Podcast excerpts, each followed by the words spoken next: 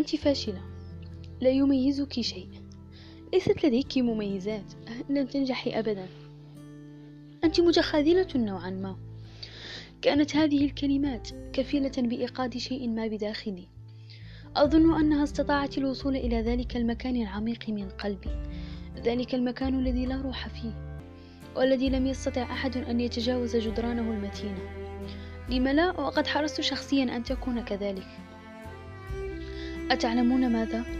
حتى كلمات أمي التي تكاد أن تكون جارحة في بعض الأحيان. أبت أن تصل إلى ذلك المكان. لم تتجاوز نيل شرف الوصول إلى مسامعي واحتلال رقعة صغيرة في تفكيري.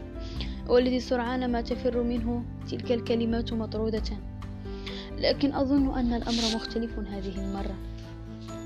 فكلمات أخي التي لم أتوفق في تحديد اتجاهها بين محبطة ومشجعة لكن عملت على إيهام نفسي أن الاختيار الثاني كان الأكثر حظا. نعم أنا أعترف وبكل شجاعة. لا أظهرها إلا لكتابي أو مذكرتي والتي لا, تج... والتي لا تتجاوز حدود قلمي. نعم أعترف أنني إنسانة جبانة فاقدة للقدرة على التعبير أو المساهمة بشيء في هذا المجتمع. لكن وكم أحب كلمة لكن أجد أنها تلك اليد التي تمتد إليك من حيث لا تدري لتنقذك من الغرق في بحر الخذلان. وما أعمق قعره وما أعمق قعره. قررت أن أصنع لنفسي فرصة. نعم قررت أن أصنع لنفسي فرصة. لقد قررت أن أصنع لنفسي فرصة أخرى. إنها جملة جميلة جدا. يمكن أن أجزم أنني أرددها كل يوم صباحا. لقد قررت أن أمنح لنفسي فرصة أخرى. لم لا؟ وأنا لازلت أتنفس لازلت أعيش. لكن وكما لكل شمس غروب فإن لها شروقا. لكن هناك سؤال قد دار في خاطري.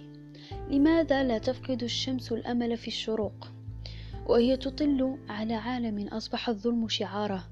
وأصبح التفهاء أسياده وأصبح الطيبون عبيده وأصبحت أراضيه المقدسة محطة تجارب لأسلحتهم. لكنها تصر كل يوم على أمل أن ترى التغير يوما ما.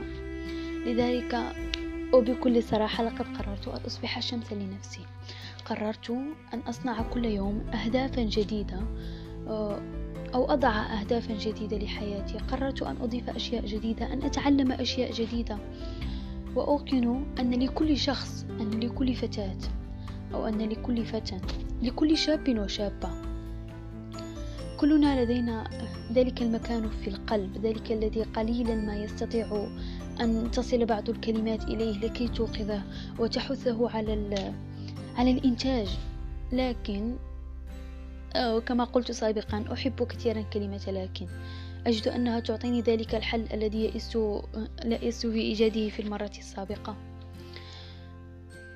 أه، سأختم هذا المقطع الصوتي بنصيحة لجميع من استمع له.